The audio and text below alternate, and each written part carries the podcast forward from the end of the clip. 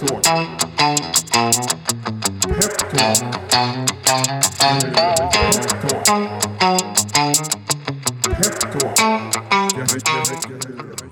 Då säger vi varmt välkomna till ännu ett avsnitt av eh, podden Peptalk, en eh, podcast från eh, Peppins. Idag har vi med oss en eh, som alltid väldigt spännande gäst. Eh, vi fortsätter att jobba oss igenom personerna bakom Peppins. Jag tänker att det är liksom ett, eh, ett bra sätt för att lära känna vad det här är för bolag och också eh, vad det är för eh, liksom mission vi är ute på. Så att ni får se vilka, vilka det är som är med på tåget då och bygger det vi försöker bygga. Eh, och eh, ni kan lyssna på tidigare poddar. Vi har träffat nu både vår ordförande Peter Norman och vd Julia Rysner. Eh, och dessutom Latif då. Eh, och idag har vi med oss en som har varit med, ja vi ska se hur, om det är absolut från början, det är en av frågorna jag har idag. Vi har med oss Ulf Wisén som är både ledamot, ägare och mentor har jag skrivit till Peppins. Välkommen Ulf! Mm, hej! Hur känns det att vara här? Det känns jättebra. Eh, tack för att vi fick en inbjudan att vara med på denna eminenta podd. Ja, eh, jag hoppas det i alla fall. Eh, det är gästerna som är eminenta i den här podden, det, det är det enda. Eh, jag brukar alltid ställa första frågan sådär eh, om det är poddpremiär. Är det det för dig? Ja, i alla fall som vara med på en. Det är, det är faktiskt, det jag aldrig gjort innan. Jag har väl, jag menar, både en och två gånger lyssnat på några poddar, bland annat dina såklart. Ja, ja vad roligt. Eh, Men, eh, men det är faktiskt första gången jag är med på en. Ja, det är det. Mm. Kul! Eh, Jag berättade här att eh, du är både ledamot i styrelsen till Peppins, eh, ägare och mentor. Är det en, eh, är det en bra beskrivning? Ja, det är, liksom, jag menar, det är ungefär de tre rollerna som jag har på Peppins. Så, att säga. Mm. så egentligen har jag ingen riktig operationell roll, utan min, min, min officiella roll är ju att sitta i styrelsen. Mm. Sen råkar det dessutom vara en av de större ägarna i det. Men sen är jag rätt mycket aktiv och då har vi en slags mentorsfunktioner som några som sitter i styrelsen och några andra som ni som jobbar på Peppins kan gå in och dra på oss helt enkelt om, om ni behöver stöd eller hjälp eller någonting. Så det, och det är alltid i ett snabbt växande bolag som vi är. Verkligen. Så är det då och då blir det lite ont om resurser. Ja, och då är det bra att kunna komma in och, och, och vara en hjälpande hand sådär. Ehm, men är det svårt, eh, vi, kan, eh, vi, kan börja där, för jag tycker den här mentorsrollen är väldigt spännande. Eh, inte bara för mig som, eh, som junior som liksom får lära mig av dig och, och andra som är mentorer på Peppins. Men hur, hur är det liksom, hur är det för dig som mentor? Är det svårt? För när man sitter i en styrelse har jag lärt mig att då ska man egentligen inte vara superoperativ eh, i, i liksom själva styrelsearbetet. Men sen i den här mentorsrollen, det blir väldigt operativ. Är det svårt att hoppa liksom mellan de här hattarna? Nej, jag, jag upplever faktiskt inte att det är så svårt. Jag har varit väldigt, väldigt tydlig med att jag menar, de här är två väldigt separata roller. Liksom. Mm. Så därför, eh, så, så liksom, när, när jag är inne i, i mentorsrollen och det innebär hos oss att jag hjälper till att jobba med olika bolagen som är uppe Mm. och liksom hjälper med, med hur vi ska skriva memorandum och, och hur vi ska utveckla det menar, projektet. Men affärsledande delen utav Peppins, den lägger jag mig inte i överhuvudtaget för den sk- sköter vd, alltså Exakt. Julia och sköter ledningsgruppen och den, ska, den är jag inte involverad med alls. Sen har jag en roll i, i styrelsen och den är andra, men, men ja, de är, de är ganska, ganska bra separerade. Jag tror om du skulle fråga vd Julia att hon skulle hålla med om det, att vi lyckas separera det här rätt bra. Ja men det tror jag och, och jag, jag kan faktiskt eh, eh, vittna om det här själv. Jag, jag har inte gett dig den här feedback men jag tänkte göra det här nu live i podden. Eh, för jag, jag har ju liksom upplevt dig då, du är ju ganska ofta, eller väldigt ofta ändå liksom på kontoret.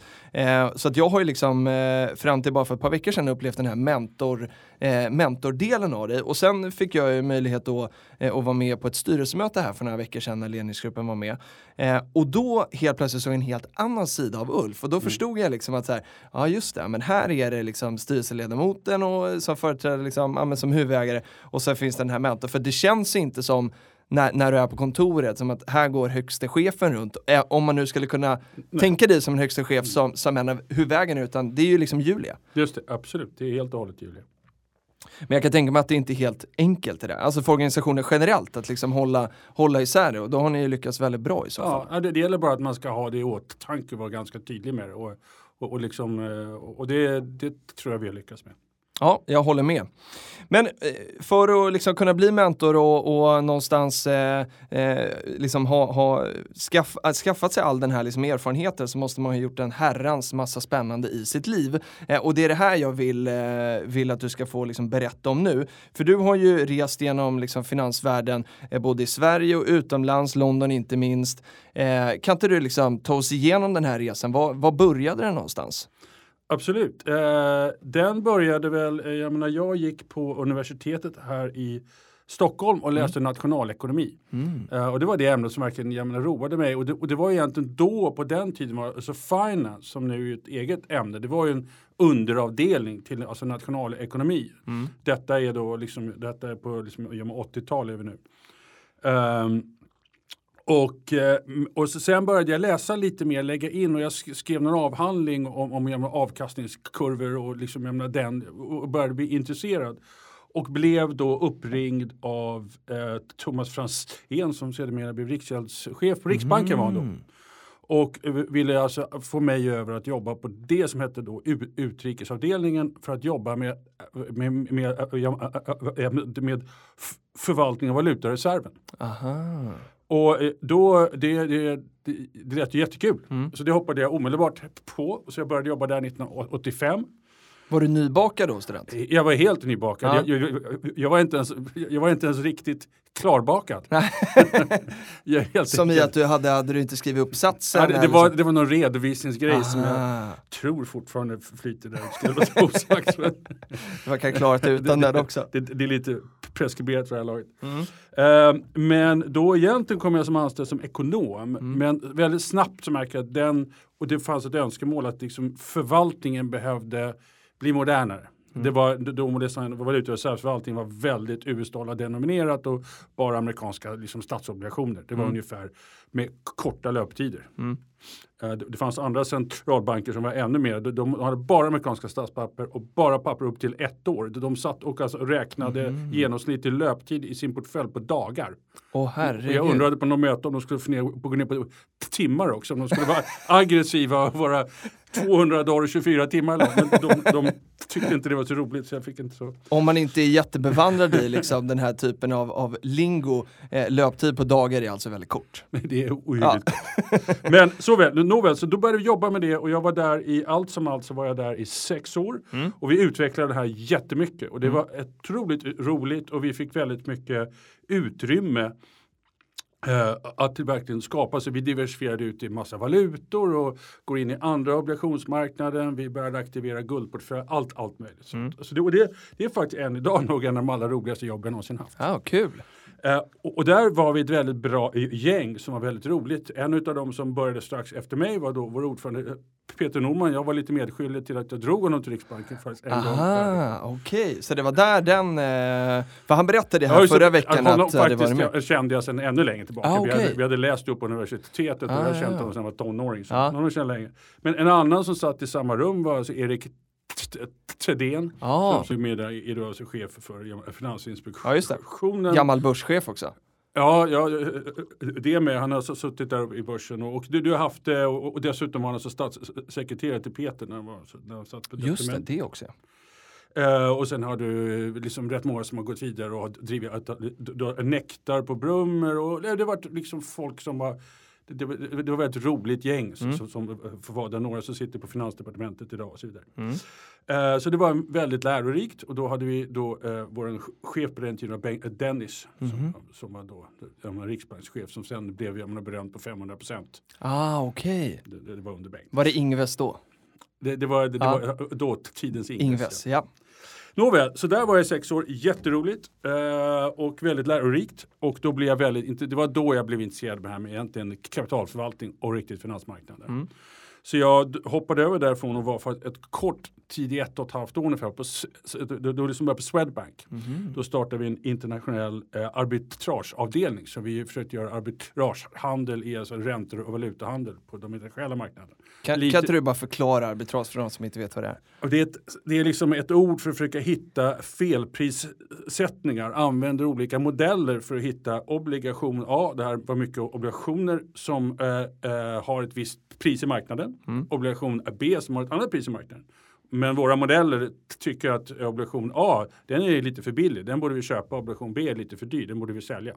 För att det är där de borde ligga enligt våra modeller. Så, Mm. Just det. så det är inget rent arbitrage. Ett rent arbitrage är när det, du absolut kan tjäna pengar. Om du går ut i valutamarknaden och någon vill köpa U- US-dollar för för 10 kronor och någon annan vill sälja US-dollar för 9 kronor, då kan du göra bägge affärerna på en gång och det är ett är det rent, rent arbitrage. Det är inte de här Nej. de pratar utan de är förhoppningsvis blir de rätt. Eh, men Men där var, inte helt riskfria då? det är inte Nej. helt riskfri. Och ofta innebär det att man blir väldigt belånad för du behöver rätt Mm. mycket balansräkning för det är rätt små marginaler du försöker tjäna. Ah, Okej. Så då får man safta på ordentligt så att det där Just det. lilla ska bli mycket. Det, och det gjordes mycket mer på 90-talet och Ja, det gjorde det, va? 2000-talet. Ända fram till 2008 lustigt Ah. nog. Och någon konstig anledning. Men efter det så var jag där ganska länge. Sen men kände jag då att skulle jag fortsätta jobba med det här då ville jag börja jobba där det händer, det vill säga London eller New York. Och då blev det London. Så då flyttade jag till London och började jobba på Salomon Brothers. Som var en av dåtidens mer liksom respekterade investmentbanker. Det var de och Goldman S- S- Sachs och, och, liksom, och några namn som finns, existerar vidare nu idag. JP Morgan och Merrill Lynch och så. Ja, det var samma liga alltså? På, Det, det, var, det, det, är några namn som har försvunnit. Bland annat där vår, vår, vd arbetade på Lehman Brothers. Den, den försvann. Och alltså några namn som fanns med. Bear Stearns Ja, försvann etc. etc, etc. Men vad är Solomon Brothers idag då? De blev en merger mellan dem och Citibank. Så de är alltså del av Citigroup idag. Själva, Ah, okej. själva namnet finns inte längre. Nej. Men den var rätt, ehm, det var en rätt spekulativ organisation. Man kan säga att hela Salomon var, Brothers var som en stor hedgefond egentligen. Mhm.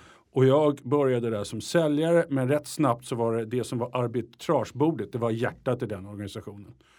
Ehm, eh, och, och, och, de tog stora bets för alltså bankens egen, egen räkning. Aha. Och Är det där- det som är prop trading eller? Just det, det är Ja. det som är, är prop trading. Och eh, den avdelningen hos oss heter Global Fixed Income Arbitrage.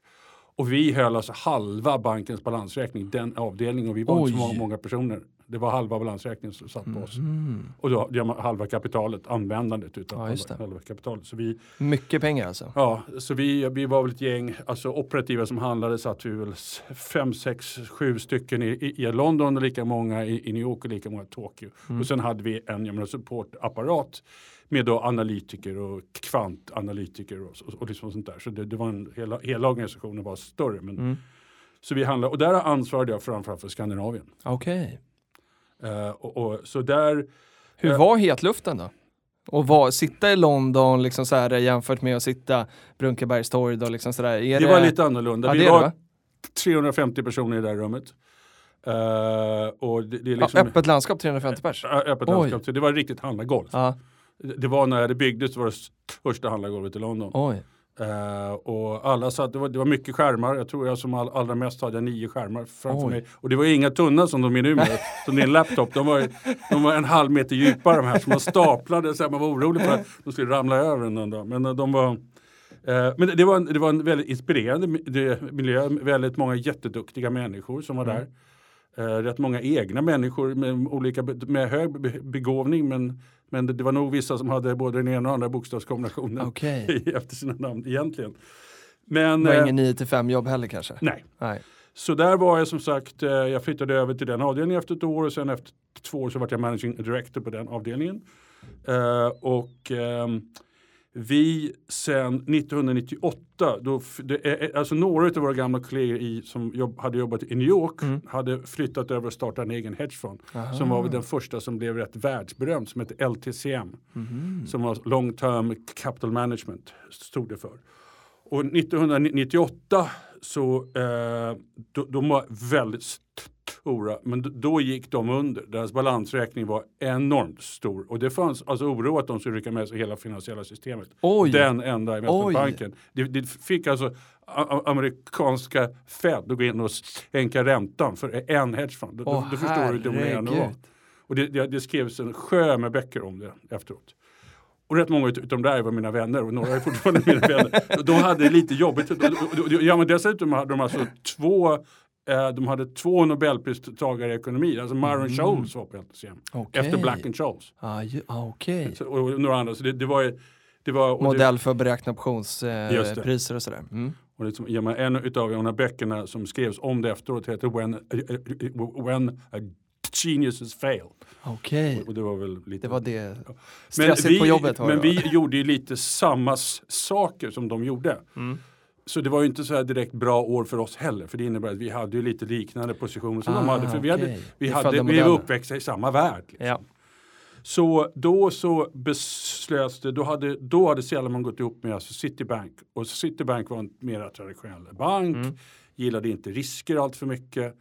Och han som var den som var ansvarig för oss som vi hade diskussioner med var alltså Jamie Dimon som sen nu är alltså legendarisk chef för JP Morgan. Han är både ordförande och chef för JP Morgan. Så det. kanske den mest inflytelserikaste bankiren i världen får man nog lov att kalla honom. Så honom hade jag ganska många möten med då. Så Mm. sen, han är den enda dessutom som har gjort en karriär som i Citibank. Han var satt högst upp på ledningen, sen åkte han ut. Och sen kom han tillbaka och blev vd för en annan bank. Det, det är rätt imponerande. ja, verkligen. Eh, men då beslöts det att vi skulle driva, att vi skulle flytta vår verksamhet ut ur banken och starta en egen hedgefond som, som de skulle investera i. Ah, Okej, så det var friendly exit? Det Liksom. var det. Ah. Var det. Eh, så då startade jag och två av mina kollegor startade Endeavour Capital Management som det hette. Som var också, gjorde ungefär det vi hade gjort på Mm. mm. men vi drev det i ett hedgefondformat. Eh, och den startade vi då år 2000. 8 juni tror jag. Okej. om jag inte minns helt fel. Ja. Ehm, och vi blev med tiden en av de största räntehedgefond i Europa. Så vi hade Okej. 3,5 miljarder under förvaltning US-dollar. Ja, just det. Eh, Var mesta från eh, det ni fick mer från Citibank eller attraherade ni nytt kapital det, det, det var nytt kapital. Ja. De stod för en ganska liten del som de inte utökade. Det var en, det var en del av dealen. Okej. De skulle hjälpa oss att komma igång. Aha. Men de- skulle inte liksom bli, bli, bli, bli stora. Så Nej, de var någon ynka procent i slutändan. ah, okej. Eh, och, och, och hela den organisationen växte ganska mycket. Vi var, vi var liksom hela f- f- 50-60 personer. Och sånt Mm. där. Eh, och, men sen så fortsatte vi det och vi drev det och sen kom fram till 2006. Då började jag känna att jag hade, jag hade gjort det här rätt Mm. länge nu. Och jag, jag började liksom känna att jag, det var lite dags att, att göra någonting annat. Mm. Och då hade jag börjat ha diskussioner med bland annat Anders Sjunnesson. Aha. Eh, Peppins founder, just det. grundare. och en annan god vän som heter Claes Bari. Så Mhm. vi, vi, vi började fundera li- lite grann. Lars fortsatte jobba men Anders och jag bestämde att vi ska dra upp e- ett, starta ett eget investmentbolag Okej. och, och gå in och börja jobba och in, investera och arbeta som slags, ett litet ängelbolag, investmentbolag. Som då heter Raxor, som heter Raxor Capital. Mm. Och vi gjorde investeringar och sen den, bland en av de allra första vi, som vi var med och satte igång var ett gäng som kom från Ork Software som gjorde, alltså de, de gör elektroniska handelsplattformar. Och ett stort gäng hade lämnat och var intresserade av att starta upp egen hand. Och vi hjälpte dem att sätta ihop det här bolaget som då heter T-Brix. Mm. Och eh, där var vi med dem då i, i, i alltså ganska många år. Det här var eh, då t- t- 2006, 2007 och det gick jättebra i början. Sen tog det ju stopp när finanskrisen kom. Det var inga banker som ville, ville handla nya dyra sy- system år 2000, halva sju, åtta, nio. Sen började folk vakna till liv Ja. Men det var en, något år där, där- vi fick, ja, hålla, vi fick verkligen hålla lite grann i verksamheten för att det sk- skulle gå bra. För man kan säga att det var ju professionella investerare som köpte den här Just mest det, va? Just ja. det. Och och det var alltså liksom olika banker eller olika tradingfirmor alltså runt om i världen som satt och handlade på aktiebörser Mm. eller andra elektroniska börser. Eh, och uh, sedermera sen så, eh, eh, sen så köptes den här upp utav Nordic Capital i slut. Aha, okej. Som ägde Ork. Så Mm. i slutändan så gick de ihop igen. Ah, ja, Så ja. att de gick hela, de gick hela Cirkeln slöts. Ja, exakt. Så då så sålde vi då eh, den och så gjorde vi en del, del andra investeringar. Mm. Och så då i den så hade vi en egen tradingfirma ett litet tag som heter Syfion. Mhm. Som där Anders och jag och, och också Magnus Henriksson. Jaha, vår CTO. vår ah. C- CTO var där. Ehm, och ehm, jag var lite mer involverad med, med, med, med, eh, den delen på daglig basis och då började Anders börja jobba lite mer på g- det som blev till slut. Ah, okej. Eh, Så jag- har varit med på den resan från första början men det är Anders som är stora grundaren och det, det, det är hans baby så att säga. Jag Men- förstår. Men, men jag har varit med som en bollplank på, på idén. start, ja, liksom det. hjälpt och försökt bygga upp den här idén till vad det blev från, från början. Ja, just det. Ehm, Och vad, vilket år är det här då? Ja, alltså den jobbet kanske började 2013, 12. Nu kommer Anders att få rätta Mm. Ja, mig men där- säger. ja, Men det, det men var i den någonstans. vevan. Ja, just så det. det höll på ganska länge och sen så gick vi inte vidare med Syfion för vi fick den inte att lyfta så, vi, så lika, mycket som vi ville att den skulle lyfta så den lades ner. Och då var det mer fokusering på Peppis som Mm. Ja, min del också. Ja, Och sen så, så hade vi diskussioner med alternativa aktiemarknaden och Just så det. gick då vår, vårt lilla bolag som heter Peppins Mm. ihop med, med alternativa and the rest is history. Exakt. Ja, och vi ska, vi, vi ska djupdyka i det här, men jag tänker bara att vi ska, eh, för att liksom förstå personen Ulf mer, så finns det ju, eh, du har ju liksom ett par andra investeringar också som, eh, som du är engagerad i och sådär. Vad, vad, och, och liksom, kan man sätta stämpeln ängelinvesterare på dig?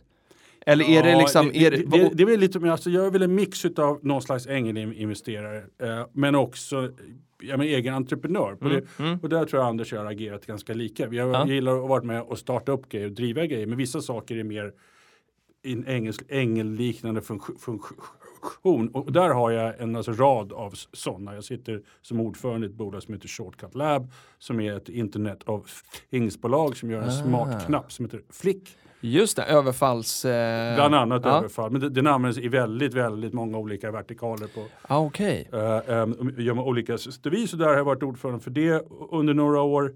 Eh, jag har även med några av gamla kollegorna, bland annat en av de här gamla LTCM-kollegorna. Vi har investeringar i England, vi driver eh, alltså några solkraft Eh, vi har ett solkraftbolag ihop Ah, som, som är mest operativt uppe i norra England och Skottland. Mhm. Och där har vi dessutom börjat eh, lite diversifiera in till solkraft lite i Afrika. Så det är lite Ah, så här, okej. en liten knorr. Ja, jag förstår. Eh, och, och sen har jag varit inne och jobbat lite med hedgefond i Asien. Ja, men det, ja, det, det, finns, Det finns lite olika engagemang. Det finns lite olika engagemang. Men och, och sen, eh, vi ska bara nämna det också att, eh, vi hade faktiskt tänkt, eh, eh, för några veckor sedan så var det tio år sedan finanskrisen och då, då kom det till mig och så sa det så här, jag har ju skrivit en bok om det här, kan vi inte Precis. snacka om det nu? Och jag tänkte vi ska göra det något helt avsnitt sen och bara liksom prata om finanskrisen. Men, men kan du inte bara eh, så här, berätta hur, eh, vad är det här för bok och skrev Ja. du den själv och Nej, vad det- hände? det- Den här boken fick min, min bror som heter Per Wisén. Han, Mm. eh, han var då innan, han är akademiker från början. Han Mm. doktorerade på Handels för länge sedan. Sen var han satt i många, många år som vice vd på Handelsbanken. Ah. Och sen när han lämnade den operativa delen så blev han eh, adjunkterad professor på Handels. Och han fick en förfrågan om att skriva en bok om jag menar, finanskrisen. Eh, och då så menar han att han hade lite mer den akademiska biten och jag hade kanske mer praktiska delen. Ja, Och då pitchade han ut förslaget att vi skulle göra ihop. Mhm. Och vilket vi gjorde. Gick det eh, bra att jobba med brorsan? Ja, ja, det, Ja. Det, det, det, gick bra. Vi liksom, det var lite ovanligt ibland för när vi satt och skrev ihop, då jag, satt, jag bodde i London då, så då liksom satt vi med Skype och jag hade lurar och så skrev, och det, det funkar Ja, ganska bra. bra. Men det går ju lätt att kasta texter till varandra och sådär. Eh, Men finns den här att, finns den att köpa? Liksom, vi är inte sponsrade eller sådär, men det, det, kan ju nu är den out of print skulle jag Aha. säga. Vi, vi, vi har lite liksom disk, dis, diskuterat att gå in och revidera den lite grann eller uppdatera den. För det, i hela liksom den händelseförloppet det finns otroligt många delmoment som är väldigt spännande och väldigt intressanta. Jag menar, nu liksom man hela islänningarna till exempel som kom upp och som ni kanske kommer ihåg, Kaupting Ja, och, och Landesbank Ja, och, och de andra som blev jättestora aktörer på nolltid runt visst. om i Europa. Det var, de, de lånade ut allt, allt som rörde sig. Exakt. Och sen så följde pladask som en riktig pannkaka och höll på att rycka med sig hela det isländska samhället. Men de, eh, det är en fascinerande story i sig själv. Där, alltså, alltså några entreprenörer, fyra entreprenörer i Island i princip ägde varsin bank. och, och så, som de, de använde som sin egen, egen jävla piggy bank och så gick de ut och köpte så det bara sjöng om det. Exakt. Inte alltid så bra men, eh, men eh, det, det var ja, det, det, det, det är en väldigt, väldigt fascinerande his- historia. Ja, men jag tycker vi ska komma tillbaka till det här, för att, eh, och, och vi kan väl köra ett eget avsnitt och bara prata finanskrisen. Det skulle vara, skulle vara väldigt spännande, för det, det är kul att kunna sin historia. Men om vi ska liksom, om vi ska gå in på Peppins då, ja med flit så, så i början här när jag skulle eh, introducera till podden och så Peppins och sådär så, så sa jag inte så mycket vad vi gör för att jag vill inte färga dig utan jag vill att du ska få pitcha Peppins. Absolut. Hur pitchar du Peppins när, eh, när du träffar någon och ska berätta vad du gör eller sådär? Ja, det, det är det som jag, som jag ser Peppins är att det, är, det, det öppnar upp nya möjligheter eh, på, på ett sätt i i de finansiella marknaderna som aldrig har existerat innan. Och det är dels för investerarna och dels för bolagen.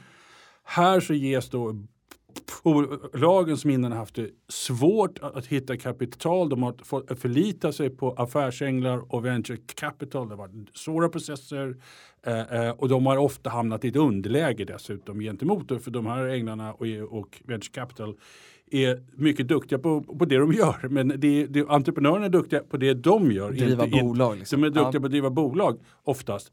Men inte nödvändigtvis det här med att skapa finansieringen.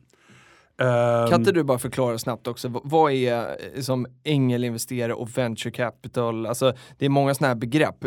Har det här med olika liksom, steg i investeringsprocessen eller? Ja, Ja, oftast är, är alltså, ängelinvesterare är ofta mera individer som har Okej. kanske lyckats bra med en affär.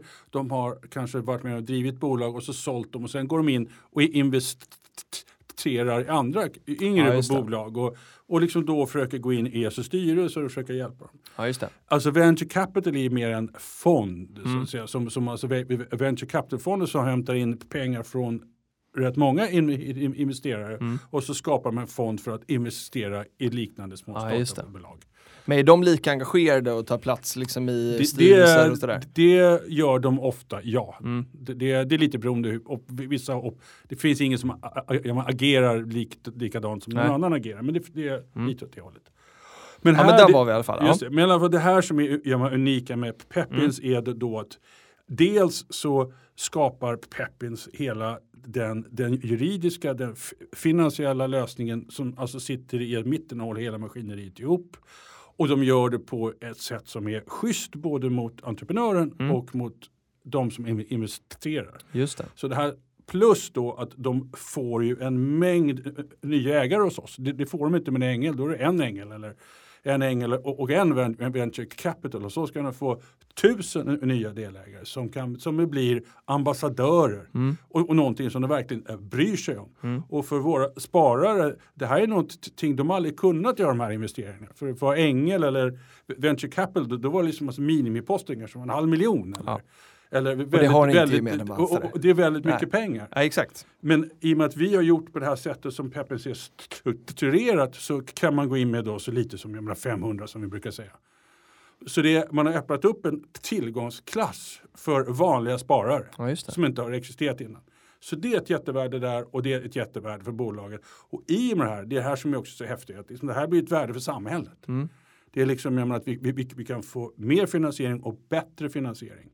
Det är därför de, de, de, de här investerarna kan hjälpa bolagen på ett helt annat Mm. sätt. Det är det som vi, liksom, kallar the power of the crowd. Liksom. Exakt. Eller ja, delägarkraften. Delägarkraft ja. Som är vår benämning på det.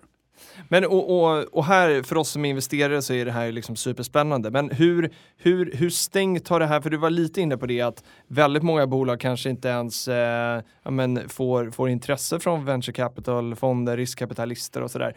Eh, upplever du att det är en, en, en stor grupp bolag som vi nu helt plötsligt öppnar upp en marknad att få investeringar för? Ja, och, och det, ja det, det tror jag. Men också att vi har alltså möjlighet, och det har vi märkt på många bolag vi har gjort, är att mycket utav framförallt venture capital-delen, men i viss mån även ängel-delen, har varit rätt storstadsregion sedan treåret. Det, det, det är liksom de stora venture capital-fonder, det- de har suttit i Stockholm. England Ja, finns det. lite utspridda, men venture capital. Här, här så märker vi, vi, vi har ju bolag från, från, det är ju utspritt, vi har många Exakt. från Linköping och Växjö Exakt. och nerifrån Halland och ifrån Skåne och vi, vi, vi, vi, vi, har det är lite som från lite, och det är väldigt roligt. Mm. Därför det är ju liksom menar, lite naturen av att vi arbetar digitalt från plattform, det vill säga vi är inte geografiskt bundna. Nej, exakt. Och det är väldigt häftigt. Det är ju superhäftigt, så alla behöver inte vara liksom startup-entreprenörer i, på Stureplan nödvändigtvis, utan man Precis. får komma var Det, man det är vill faktiskt ifrån. lustigt, jag tror nästan inte vi har någon enda som är från just Stureplan. Det är, väl- det är, det är några Stockholms, Nej, typ det, det, inte. det, det finns Stockholmsbaserade absolut, men Jo, det gör det. det, det, är, det är väldigt geografiskt spritt och det tycker jag är superkul.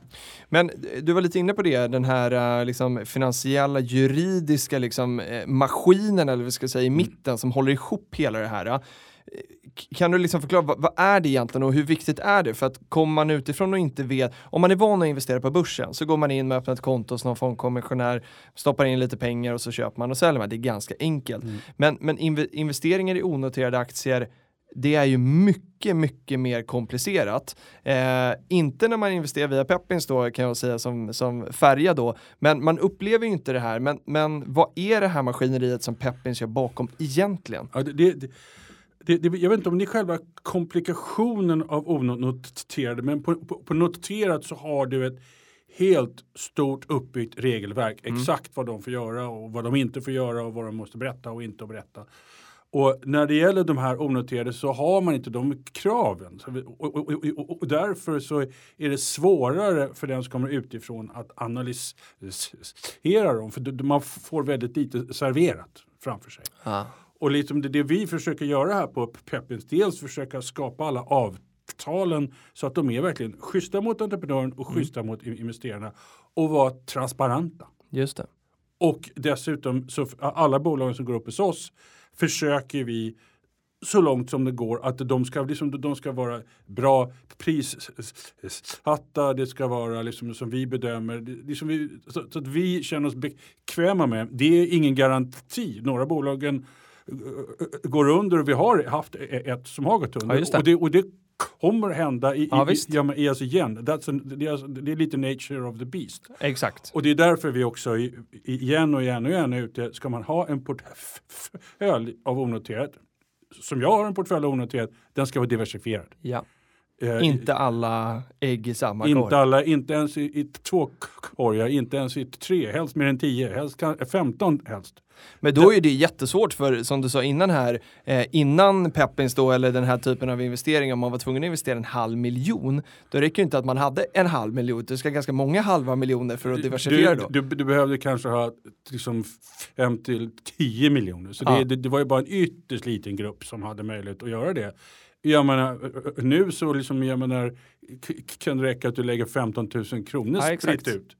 Och, det är ett sparande. Och det här sparandet ska ju aldrig bli den dominerande delen i folks sparande heller. Nej, det kan Utan vara en här, det, det här kan vara en del. Det kanske man kan diskutera om det var 10-15 procent. Men det, det ska inte vara 50. Liksom. För, Nej. för det, det, är en sak att det, det, är ju inte att man om man investerar i ett onoterat bo- bolag. Du kan inte gå på börsen dagen efter och sälja den. Exakt. Men vi har ju faktiskt skapat en möjlighet eh, att gå på Peppins eh, market. Så vi försöker ha handel på en regelbunden basis. Och det är också superspännande Mm. med det Peppins gör. Den borde jag lagt in i pitchen innan men jag glömde det. Man får, det är det som är bra med podd, man får prata hur länge man vill, så pitchen kan vara jättelång. Men, och, och, ja, men, ja, men precis, så det finns ju liksom en möjlighet till likviditet och genom, genom Peppers Market. Men vad är liksom, eh, vad är, är det den förväntade avkastningen? Är den högre på den här typen av liksom, tillgångsklass? För jag var inne på det i tidigare avsnitt och sagt liksom att, att eh, risken är högre och risken, då blir folk jätterädda. Men eh, Peter Norman berättade för oss att risken är egentligen bara rörelserna, volatiliteten. Eh, Och när du säger att vi öppnar upp för en ny tillgångsklass, varför är det intressant för mig som privatsparare? Den är väldigt spännande. Vi eh, vet från väldigt många studier, i- det har gjorts studier i England och det har gjorts massa studier i USA och så vidare, att den här delen av ekonomin tenderar att växa snabbare än den mera så att säga, etablerade delen av ekonomin. Ja. Några av de här amerikanska och engelska studierna menar att, avkastningen här kan nästan ligga på uppåt jag menar, 20 procent om året. Eh, Och det är mycket. och, och, och även om det inte är, liksom, är så pass mycket. Men, det, det är, men problemet är att avkastningen om du har 100, ja, men 100 bolag så är det liksom ehm, så är det kanske 20 utav dem eller 15 eller kanske till och med bara 10 som gör den här stora avkastningen. Det vill säga man måste vara diver- diversifierad. För som jag sa, flera bolag går under som Exakt. inte ger någonting och vissa ger plus minus noll. Men, och sen finns det några som går väldigt, väldigt, väldigt bra. Och det är de som väger upp de andra och gör att helheten blir bra. Det är därför vi predikar igen och igen, diversifiera. Mm. Det är A och O i det här. För det, är liksom, det, det, det kommer bli bolag som man tror kommer bli jättebra när man går in och sen händer något. Så, så, liksom, går inte bra. Det är, det är lite som det är här bara. Det är liksom, Det är svårt att förutse vad som ska hända helt enkelt. Ja. Rätt är så kommer en svart svan och så smäller det. ja. Det är lite sådär. Ja. Men hur, hur gör du själv då när du investerar liksom på Peppins? Investerar du liksom lite i, i allting eller försöker du liksom sitta och tar du lite mer i de betsen du tror lite mer på eller? Eller bets, Ja, vi ska inte prata bets utan nej. investeringar.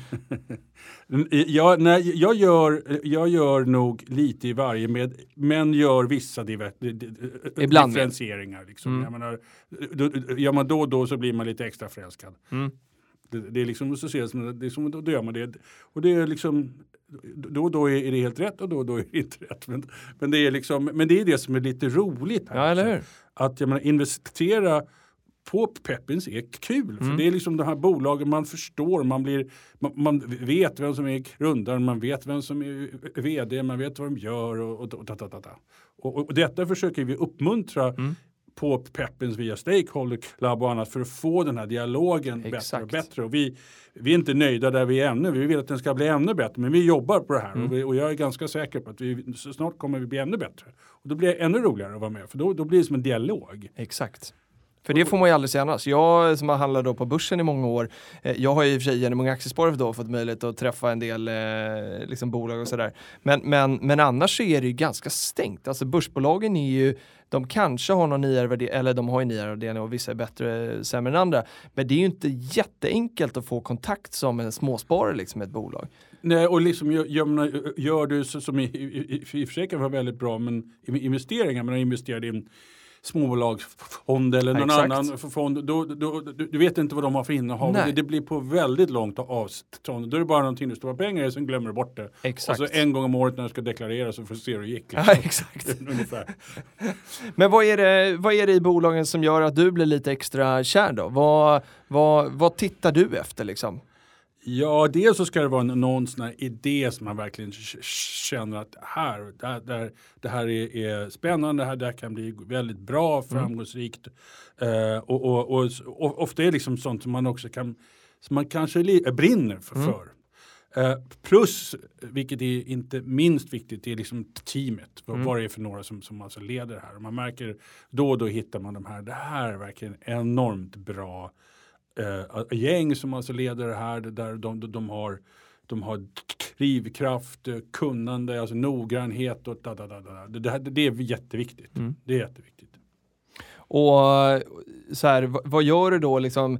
För, för det här är ju ändå ganska Ja, men ganska mjuka värden, alltså på något sätt. Och, och jag tror att man har en föreställning om att om man är, eh, om jag nu får kalla det proffsinvesterare med all den erfarenheten du har, eh, att man liksom läser mycket resultat och balansräkning och så här. Hur mycket, hur mycket sånt är det att titta på för den här typen av bolag? Ab, jo, absolut, det, det gör jag det också. Men, Eller är det mer hygiennivå liksom? Ja, det är lite hygiennivå. För väldigt många av de här bolagen, de är ju ändå rätt unga Mm. bolag.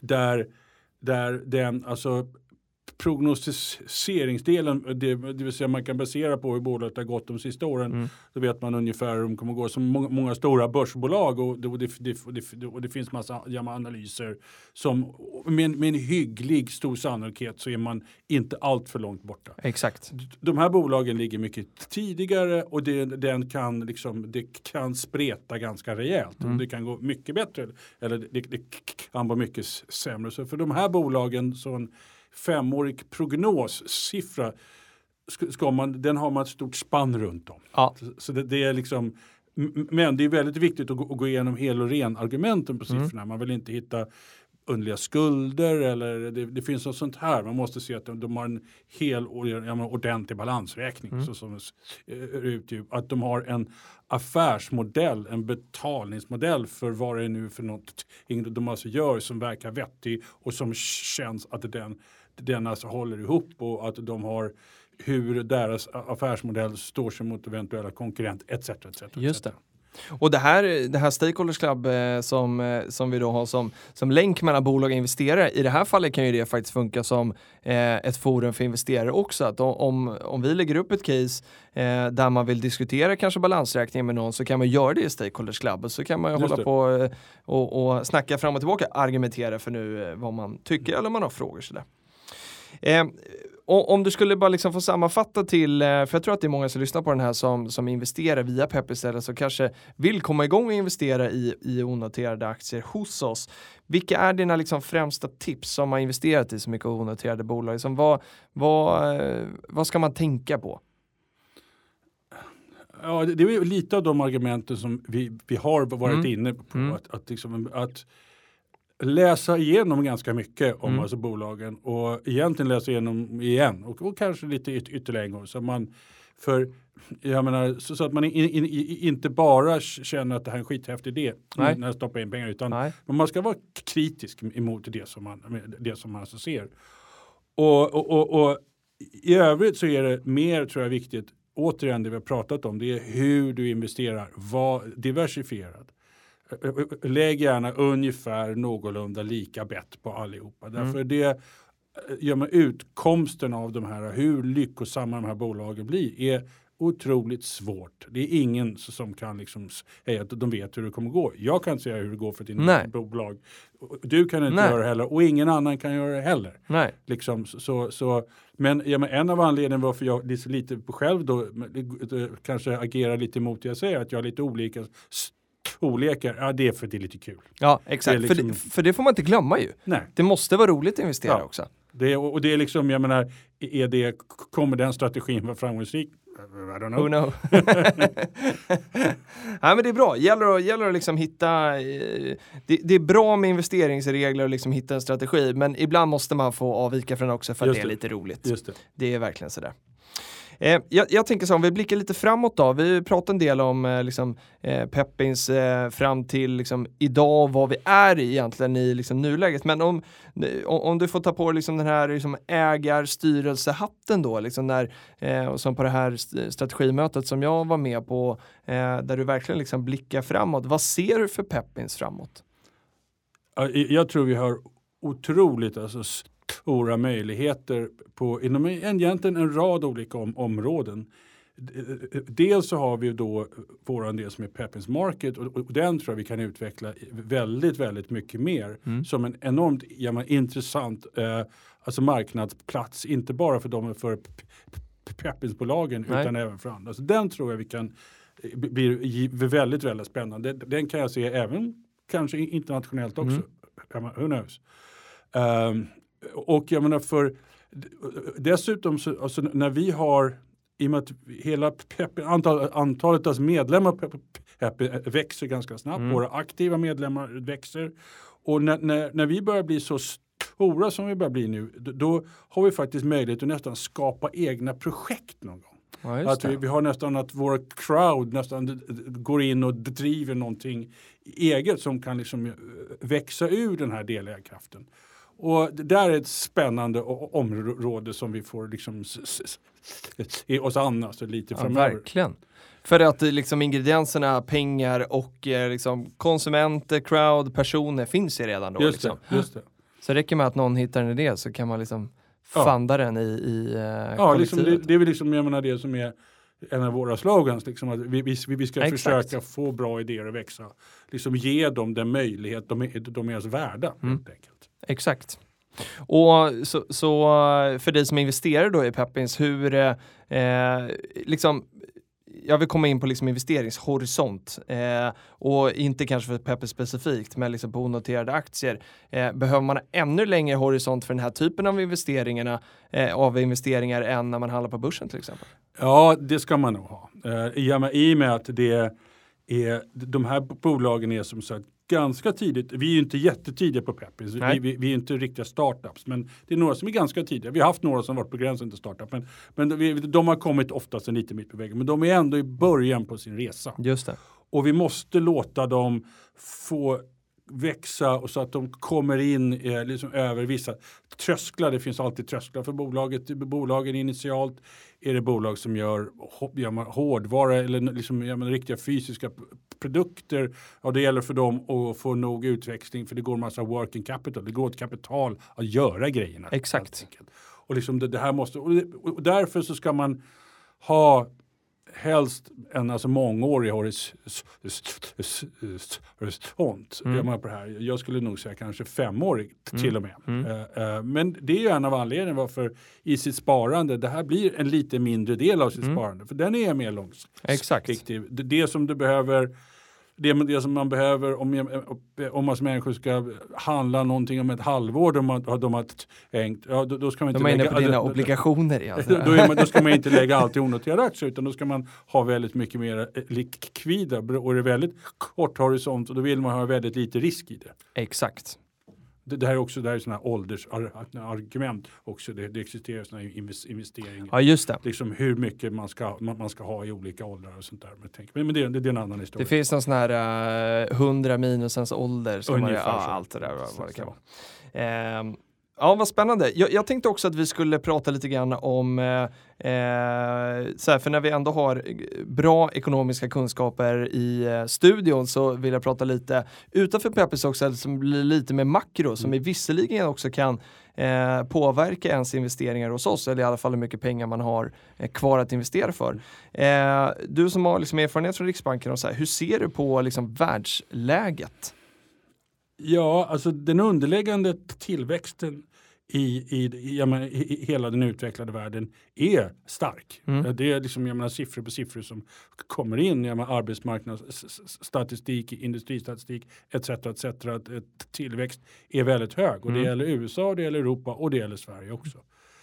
Nu har vi en del orosmoln alltså som existerar på himlen, bland annat då det här handels kriget som har liksom lite rullat igång av Trump mot delvis Europa men han verkar framförallt rikta in sig på, på, liksom då, på alltså Kina och där mm. har ju de kinesiska börserna åkt på rätt mycket stryk. Verkligen. Alltså som, ett, som en effekt och, och den, är, den delen är är man nog alla lite oroade över hur alltså långt som den ska gå. Sen vet vi om att vi, är, vi har haft en, en högkonjunktur i, i snart tio år som satte igång 2009 ungefär och året efter finanskrisen så har vi växt väldigt mycket. Alla, alla börser är upp väldigt, väldigt, väldigt mm.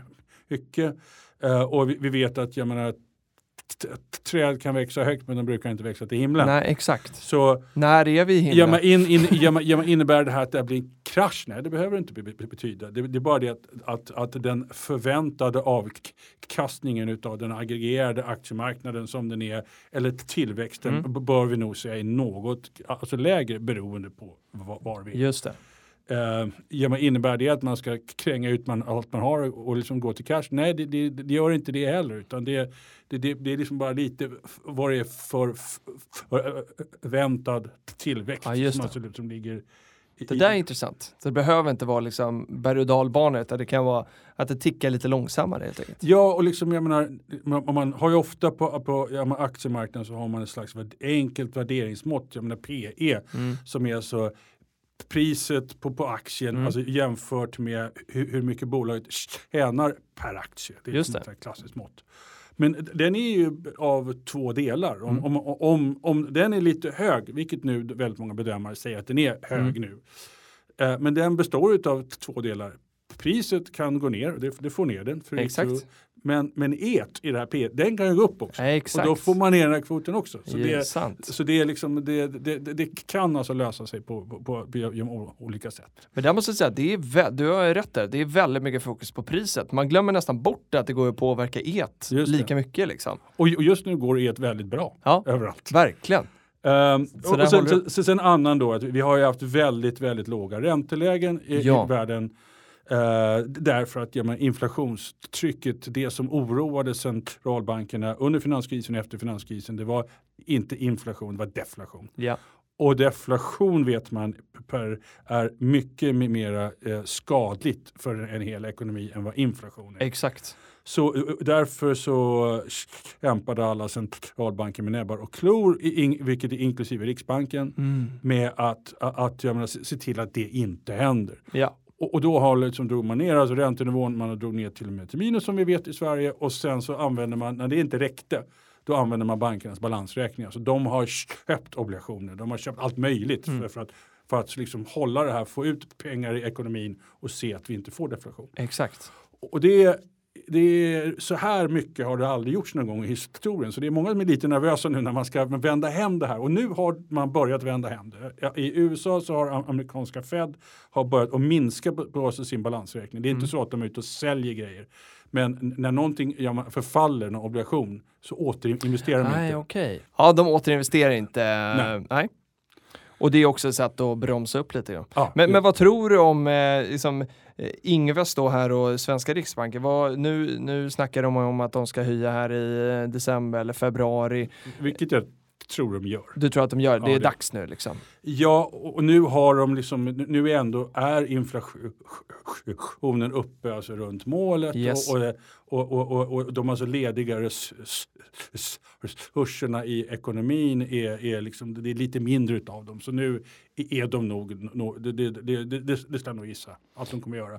Men de i och med att vi har, för Sverige, det är en hög belåningsgrad när det gäller framförallt fastigheter. Ja men exakt. Det är de privata skulderna är, är väldigt höga. Så, å andra sidan så vet man att då om Riksbanken behöver kyla ner ekonomin mm. genom att höja räntan, de kommer snabbt att få effekt. Så de kommer inte behöva höja sådär, så sådär enormt mycket. Så blir det några hundralappar som, som ligger i bakfickan på varenda människa varje månad därför, därför räntorna på bostadslånet går upp. Exakt. Så de, de, de, har, ett väl, de, har, en, de har ett mera eh, skarpt vapen i handen för inflation än de någonsin har haft just, mm. just nu. Vilket är... Och det är ändå många, för, för Ingves har ju ändå fått utstå ganska mycket liksom kritik om man säger att han har tagit bort sitt vapen när han är nere på de här nivåerna. Sådär. Men du ja, det, tycker nästan att det är tvärtom? Ja, men, jag, jag, jag, vet att det finns många som har varit väldigt, väldigt negativa till hur Riksbanken agerar. Jag är inte lika negativ. Nej. Visst, vi, vi har fått en upptrissning av tillgångspriser mm. på när det gäller bostäder och, och kanske aktier och, och liksom annat. Och det, det är en viss risk i sig. Det, det, det, det argumentet jag köper. Men vi måste se varför de gjorde som de gjorde från första början. Var, vilket alltså monster de försökte hålla utanför ytterdörren. Mm. Och det har de faktiskt gjort. Ja. Men hur, hur bakbundna är, är liksom den svenska riksbanken av europeiska ECB som i sin tur av Fed och sådär? För det är också många alls. som försöker säga ja, att de... Nej, inte alls. Inte alls? Inte nej. alls. Det, det, Ingen... Ja, det som är min, min, min, egen erfarenhet, nu var det länge, väldigt länge sedan jag jobbade på Riksbanken, men, men alltså, det, det, har alltid funnits någon slags konspirationsteorier att de går i, Exakt. gör som den andra, andra vind. Jag, jag upplevde aldrig, jag tror absolut inte det så nu heller, utan Riksbanken agerar efter de har en målvariabel, de har utav riksdagen, Sveriges riksdag, mm. har gett dem en uppgift att hålla infl inflationen, ba, ba, ba. Ja. och det är det jobbet som de, de alltså gör. Mm ja, men om riksdagen vill att de ska ha ett annat mål, ja, då, då, då, får riksdagen ta det beslutet och ge Riksbanken en order. Nu ska ni göra så här. Men än så länge har de har en uppgift och det är den de alltid tittar på. Mm. De, de, har, de har ändrat lite exakt vilket mått det är, men, men, men nu är man inne på fili. Liksom. Ja, exakt. Men och, och, för att liksom knyta säcken, är du, om, vi, om vi nu tror att räntorna kommer gå upp lite grann och de behöver inte gå upp så mycket för att det ska liksom börja kännas i våra svenska eh, plånböcker. Är du orolig då för att eh, eh, ja, men liksom den disponibla pengarna som är kvar för att kunna investera i, liksom, i, i de långsiktiga papperna som på Peppins eller börsen eller sådär, att de minskar? Är det, är det ett hot? Ja, alltså det givetvis är att ja, om det blir en, alltså, en större minskning av tillgångspriser, om det gäller bostäder eller aktiemarknaden generellt, då minskar riskaptiten generellt det. och det innebär att då, då, då, kommer det bli mindre, folk kommer lägga, folk kommer lägga mindre på Peppins också och mm. de kommer lägga mindre på bitcoin och, ja, och de kommer inte åka till Thailand lika många gånger om året. Alla drar ner. Alla det, det, är liksom, det, det är liksom nature of the beast, så är det bara. Exakt. Så det är, det är bara att hålla i sig helt enkelt och, och Precis. följa med. Det är det här som är Men- charmen med finans. Ja, nej, men, liksom, jag menar, det, det är ju så, man måste vara och- och- det är som sagt, jag menar att man måste ha lite extra kanske lång horisont när man är på inne på Mm. onoterat. Men å andra sidan när det gäller aktier och sånt generellt, man måste ha rätt lång horisont. Det är Exakt. liksom, jag menar, det, det, det, det är liksom, eh, tål man inte att, att det liksom, man sätter sig i 10 15 eh, Då ska man inte vara där. Då, då, sk- kanske man inte ska vara där. Nej, exakt. Och när man gör sådana här tester som man får göra ibland på banker om man ska liksom eh, eh, tala om ja, men hur riskmedveten man är och sådär så kan det ju ibland, eh, får man ju fråga om man är beredd att gå ner 40% också. Det kan ju Ja, bli så i de, de värsta av liksom Ja. djupa kriser. Så att, och, och där tycker jag då, eh, brukar skämta ibland om att där är det ganska bra med våran handelsmodell som jag öppnar en gång i månaden. För om den vanliga dagligt handlade börsen kraschar så står ju vår still för att den är stängd. I alla fall i teorin. I teorin är det så, inte i praktiken. Nej men det är ju liksom, jag menar, å, å andra sidan så får man då säga att det är ju väldigt många utav spelarna där ute som inte har någonting emot om det, om, om det, om det alltså sätter sig nu. Jag menar det, Många sitter och väntar. ja men det är bara liksom, jag menar, det, det är ganska många lyssnare som läser Dagens Industri. Har, jag har läst den de sista ett och ett halvt åren. Det är bara nu kraschar Exakt. börsen, nu rasar fastighetsmarknaden, nu kraschar börsen, nu kraschar den ännu mer. Ja, det har ju bara sprutat Exakt. ut sånt där i ett och ett halvt år. Och jo, jag vet att det är många större institutionella investerare Mm. som ligger underviktade i aktier. Mm. De, de skulle bli glada om Mm. det, det, är för de, de är lite nervösa att de är, de är för lågt exponerade. Så det här är inte bara något som går åt ett håll utan det här går faktiskt åt bägge hållen. Exakt. Nej, otroligt eh, intressant och nu, nu tycker jag det är väldigt kul också här för att eh, nu har vi eh, kört första avsnittet där eh, du och jag pratar mycket sånt här på jobbet och jag tänker i framtiden så ska vi eh, dela med oss av det. Så nu har ni liksom fått lärt känna Ulf och jag är jätteglad för att du var här och gästade. Eh, så nästa gång så kan vi bara dra på micken och så behöver vi inte köra introduktioner utan då kan vi bara Absolut. rätt in och snacka finanskris eller aktier och sådär.